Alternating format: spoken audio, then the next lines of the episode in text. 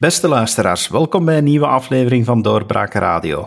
Mijn gast vandaag is Rick Torfs, professor kerkelijk recht en ja, toch wel iemand met een uitgesproken mening. En dat is altijd fantastisch. En daarom hebben we al eerder te gast gehad in deze podcast. En nu opnieuw. Welkom, meneer Torfs. Dank u, ja. Met veel plezier ben ik hier. Meneer Torfs, vandaag wil ik met u praten over kerkgebouwen. U bent ook actief katholiek. Uh, uiteraard vanuit uw, uw beroep hebt u ook heel veel voeling met de katholieke kerk. Kerkgebouwen staan momenteel een beetje onder druk, of toch alleszins het gebruik van de kerkgebouwen. Eh, er wordt gesproken om alsmaar meer kerkgebouwen eh, te gaan uit hun huidige functie halen. Vindt u dat een terecht dat, dat overheden daarover nadenken, over, over het feit dat er misschien te veel kerkgebouwen zijn? Ja, overheden die nadenken vind ik op zelf iets wat moet worden toegejuicht. En het is natuurlijk zo dat we veel kerkgebouwen hebben, ehm, zeker in Vlaanderen. En er zijn er ook nog heel lang bijgebouwd. Tot ergens uh, ja, in de jaren zestig werden er nog geregeld uh, nieuwe kerken gebouwd. En dan waren er zogenaamde uh, bouwpastoors, die dus echt uh, de opdracht kregen in een bepaalde nieuwe wijk kerken te gaan bouwen. Aan de andere kant hebben we ook heel veel geclasseerde en historische kerken. Nu, in het algemeen uh, ben ik een voorstander om zoveel mogelijk kerken toch te behouden, partieel als kerk, maar dat in combinatie met andere activiteiten. Um, en dat kan. En um, ik, ik, geloof heel erg in de kerk als gebouw, als uh, symbolisch gebouw in een dorp of in een uh, gemeente. Het is een referentiepunt, maar mogelijk ook een, een, een, rustpunt. Ik heb uh, vorig jaar in mijn boek De kerk is fantastisch, ben ik begonnen met de kerk als een gebouw te omschrijven. En dat is het ook voor veel mensen. Meer vaak dan, dan een gemeenschap of een, een, instituut en zo verder. Een gebouw is het altijd uh, heel erg. En mijn stelling daarin is dat je eigenlijk moet proberen om de kerk inderdaad ook te behouden als kerk, maar tegelijk andere activiteiten toelaten. Maar natuurlijk, als je een kerk wil behouden als kerk, is er denk ik ook één heel belangrijke voorwaarde.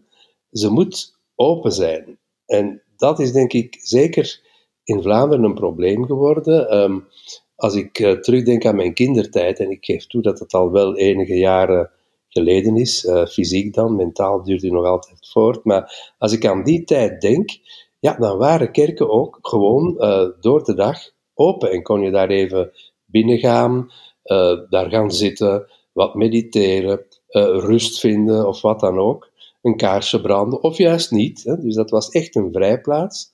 Vandaag zijn die kerken, denk ik, te weinig open.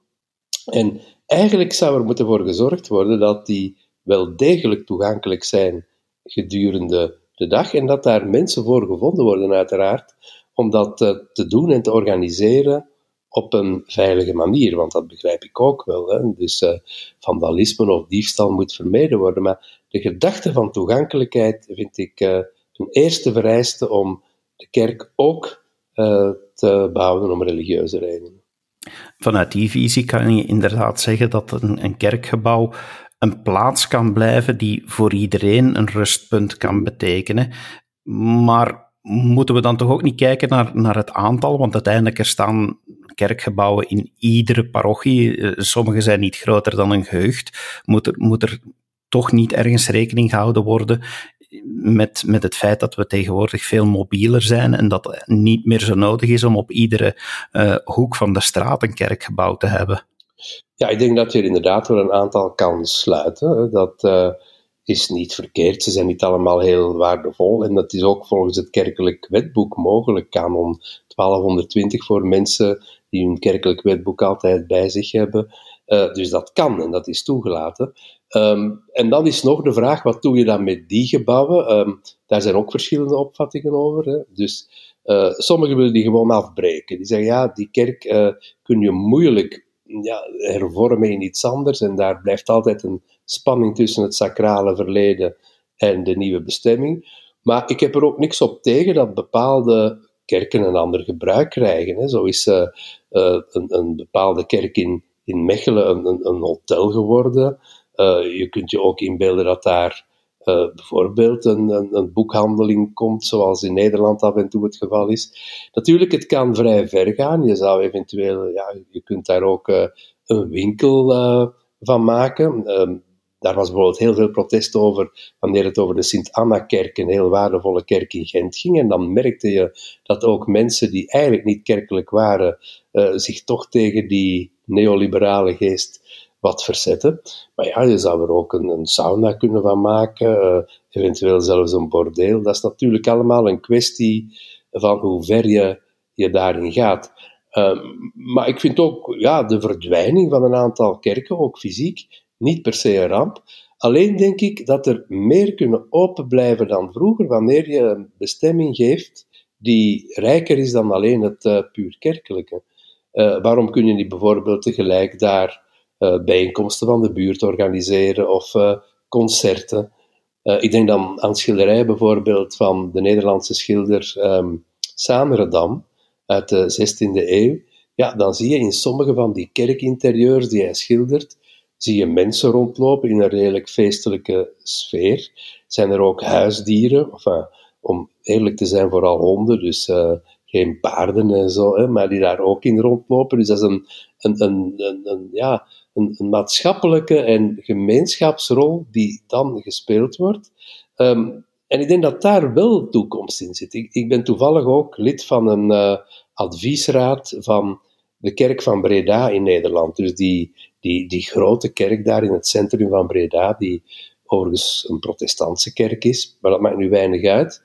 Uh, ook daar uh, vindt men dat naast de culturele bestemming die die kerk heeft, toch ook meer het religieuze en het aanknopen met die religieuze traditie een plaats kan hebben. Dus ik denk dat we daar in Vlaanderen nog niet genoeg hebben over nagedacht. En dat zie je soms ook in notas van overheden, dat, ze, dat zelfs die ja, religieuze functie bijna als een belemmering wordt gezien voor een herbestemming, terwijl ik juist geloof in kerken die ook kerk blijven en daarnaast iets anders. Dat lijkt mij perfect te doen. Je hoeft ook helemaal niet gelovig zijn, te zijn om zomaar een kerk binnen te lopen op een weekdag. En je kunt er gerust ook uh, activiteiten ontplooien die niet kerkelijk van aard uh, moeten zijn, die heel profaan kunnen zijn, met een minimaal respect voor de sacraliteit van het gebouw. Op die manier kunnen we gaan zoeken naar zaken die, die echt de gemeenschap ook gaan, gaan versterken, waarbij, als ik u dan goed begrijp, er kan vertrokken worden vanuit de christelijke traditie om, uh, om, om te steunen, om te helpen, waarbij non-profit voorrang krijgt boven profit. Ja, ik zou ook, ja, op het eerste gezicht, ja, ik zou inderdaad non-profit een, een, voor, een soort, uh, laten we zeggen, voorkeursbehandeling geven. Maar ook profit vind ik niet per se verkeerd. Dus uh, um, het, is niet omdat je met een kerk zit, een vrij lastig gebouw om in eigendom te hebben, dat je per se verlies uh, moet maken. Maar ik zou dat wel doseren. Dus in feite zouden die ja, profitactiviteiten moeten bijdragen om de balans in evenwicht te brengen en niet om enorme winsten te maken. En zo denk ik, kun je toch ook tot een maatschappelijke winst uh, komen. Wat ik zelden hoor wanneer het gaat over die kerkgebouwen, is het nut dat ze gewoon als gebouw ook kunnen hebben, gewoon door er te zijn. Hè? Uh, vaak wordt gezegd, ja, we hebben daar zware onderhoudskosten en die kerk wordt nauwelijks nog gebruikt, weinig mensen in de zondagsmis vaak weinig missen en zo meer. Maar als je de kerk ook ziet als een ruimte voor gemeenschappelijke activiteiten, maar ook als een plek waar je zomaar kan binnenlopen, bijna een asielplek, ja, dan kan dat ook een preventieve rol spelen. Dat geloof ik echt. Hè. Dus uh, uh, je mag me natuurlijk gek verklaren, maar kan dat ook een preventieve rol spelen in de geestelijke gezondheidszorg. Dus uh, mensen worden zo meegesleept soms door het ritme van van de dag krijgen ook zoveel hoge eisen naar zich toegeslingerd om het goed te doen in het leven. Dat leidt ook vaak tot problemen met psychische gezondheid. Is vandaag echt een issue met uh, psychologen die in het gelid moeten treden. Wel, ik kan mij een kerk ook heel goed inbeelden als een preventief gebouw, hè, waar je tot rust kan komen, zodat je achteraf niet moet opgekalfaard worden. Dat wordt te weinig gezegd. Wij willen terecht hè, mensen met psychische problemen psychologisch begeleiden, maar we moeten er ook aan denken hoe we kunnen verhinderen dat ze in moeilijkheden terechtkomen. En daar kan een kerk waar niks moet, uh, waar je wel welkom bent, echt een bijdrage leveren, denk ik. Zoals u zei, bepaalde zaken zijn inderdaad uh, ja, ideaal om te bedenken, om, om te gaan onthaasten, om rustpunten te vinden. In een gemeenschapsleven zijn er mogelijkheden genoeg. Uh, kan u dan begrijpen dat er, dat er overheden zijn die, die echt zeggen van kijk, wij willen er gewoon vanaf en diegene die er het meeste geld voor geeft, die, die mag ermee gaan lopen?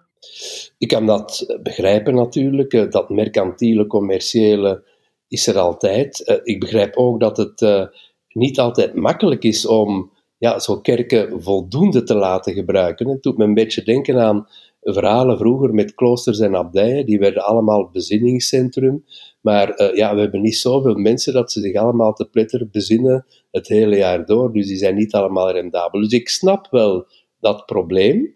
En ik begrijp ook wel dat, dat daar een soort chaîne tegenover die gebouwen bestaat, ook uh, duur in het onderhoud uh, en in verwarming en zo verder. Maar probeer tegelijk toch ook eens de kansen te zien. En dat, denk ik, doen, we, doen we te weinig. Ik denk dat we te veel een, een, een, een gebouw dat we altijd in een andere functie hebben gekend als, als een last zien en te weinig um, naar de kansen kijken. Tuurlijk, die gebouwen zijn vaak ook in Vlaanderen monumenten. Dat maakt het dus ook moeilijk om ze echt op een totaal andere manier te gaan gebruiken, om daar dus een interieur helemaal om te gooien en daar een puur commerciële balzaal of zo van te maken. Maar goed, maak dan van de nood een deugd en probeer die schoonheid, wat mensen ook nodig hebben, te verenigen met andere spirituele behoeften. Nu moet ik wel zeggen, de kerk heeft daar in het verleden ook fouten gemaakt. Want ik herinner mij de, uh, mijn jongere jaren als kerkjurist, ik ben al lang in dit vak, maar ik denk bijvoorbeeld aan de jaren 80, begin jaren 90, dan waren er bisschoppen die zich bijvoorbeeld verzetten tegen elke zogenaamd profane activiteit in een kerk. Uh, bijvoorbeeld zeggen ze dan, ik herinner mij bijvoorbeeld een uh, gewezen bisschop van Brugge, die sindsdien in het verborgenen is verdwenen, die zo zei, ja, nee, dat mag je niet doen, zelfs geen klassieke concerten, dat gaat eigenlijk tegen de eigen aard van, van, de, van, een kerk in. En dat is ook niet zo. Dus in, in principe uh, mag men ook een kerk gebruiken voor waardig gebruik. En muziek is daar zeker bij. Dat hoeft voor mij ook geen klassieke muziek te zijn. Dat kan ook een, een dorpsfeest zijn. Dus men is denk ik in het verleden wat te eng geweest in het omgaan met die kerken. En, en vergat eigenlijk dat de traditie soms anders was. Ik verwijs daar net naar, naar Saanderdam en zo verder. Dus in vroegere tijden was dat gemeenschapselement van kerken vaak veel meer aanwezig dan in de 20e eeuw, waar blijkbaar niks anders mocht in een kerk dan het rituele. Dat lijkt mij niet nodig en ook niet uh, helemaal in overeenstemming met de traditie.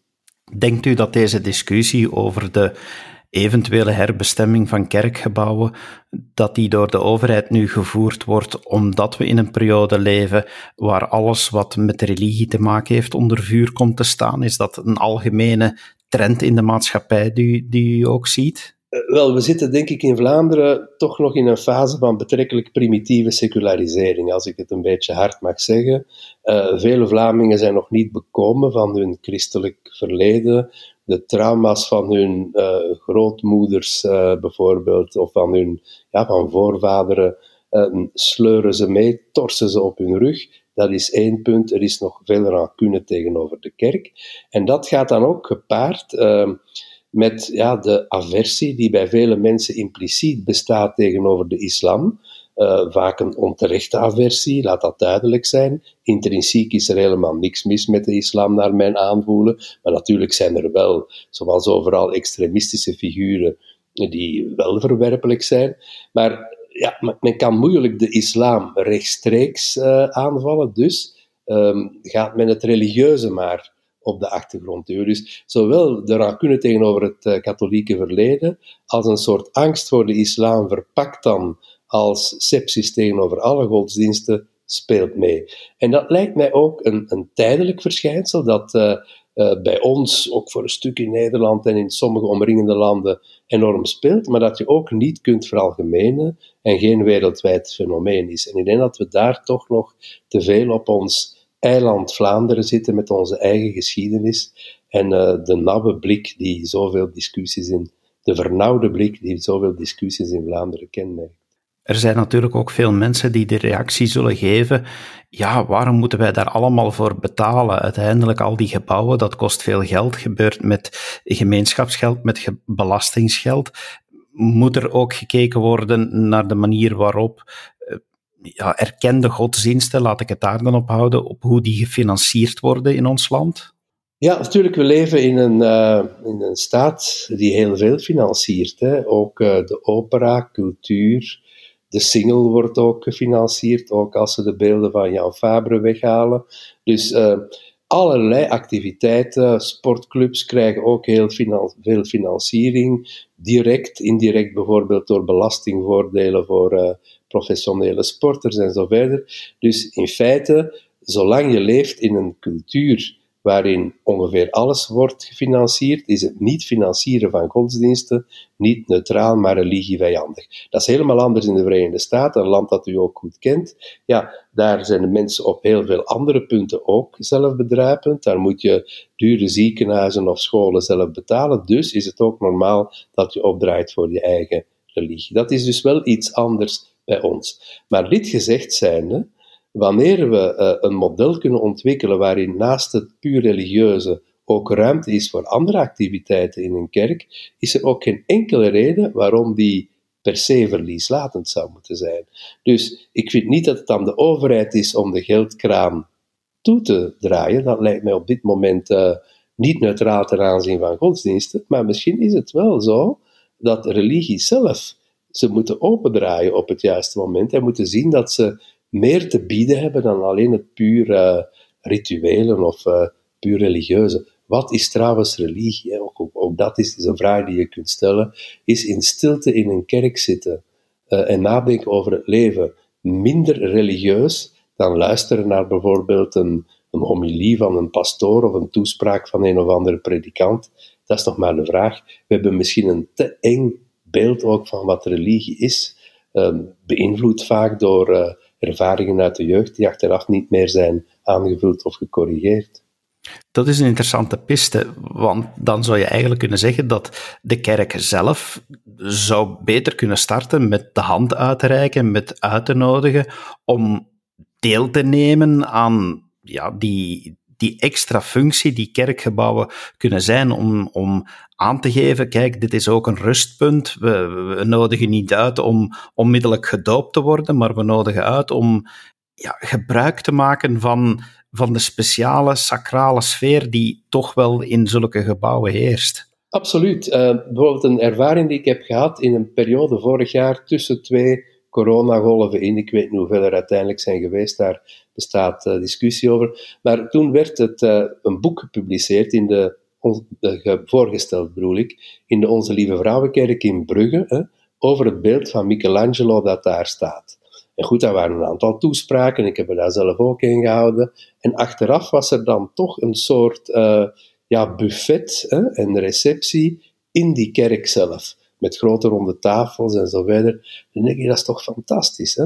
Als je over Michelangelo kan spreken en achteraf in zo'n decor, met het opwaarts streven dat je toch in kerken hebt, met die prachtige verticale lijn, wat anders dan die lage plafonds die we vaak hebben, daar dan ook kunt over discussiëren bij een glas en een hapje. Ik vind dat fantastisch. En dat zijn ook events waar volgens mij mensen ook massaal zouden op afkomen. Een mix van religiositeit, cultuur, ook wat men uh, noemt convivialiteit, hè, waar een kerk gek genoeg toe uitnodigt. Je bent aan tafel, dat viel mij op. Ik zat naast een weliswaar sympathieke vrouwelijke politica, maar uh, ik voelde mij meer met haar verbonden in dat kerkgebouw, dat mij milder stemde dan dat ik dat zou zijn in, een of ander, in of ander uh, sterrenrestaurant of zo, waar het kapitalisme van de muren spat en de prijs op elk glas wijn lijkt te staan.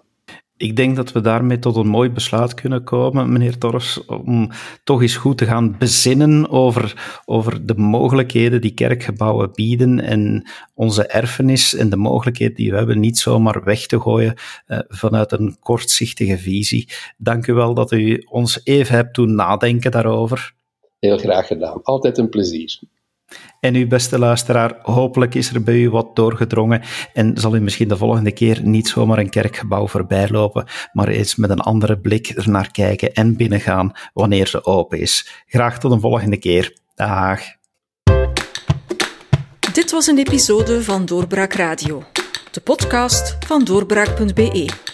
Volg onze podcast op doorbraak.be/radio of via Apple Podcasts, Overcast of Spotify. Bezoek ook onze website op doorbraak.be en steun ons door een vriend te worden van Doorbraak.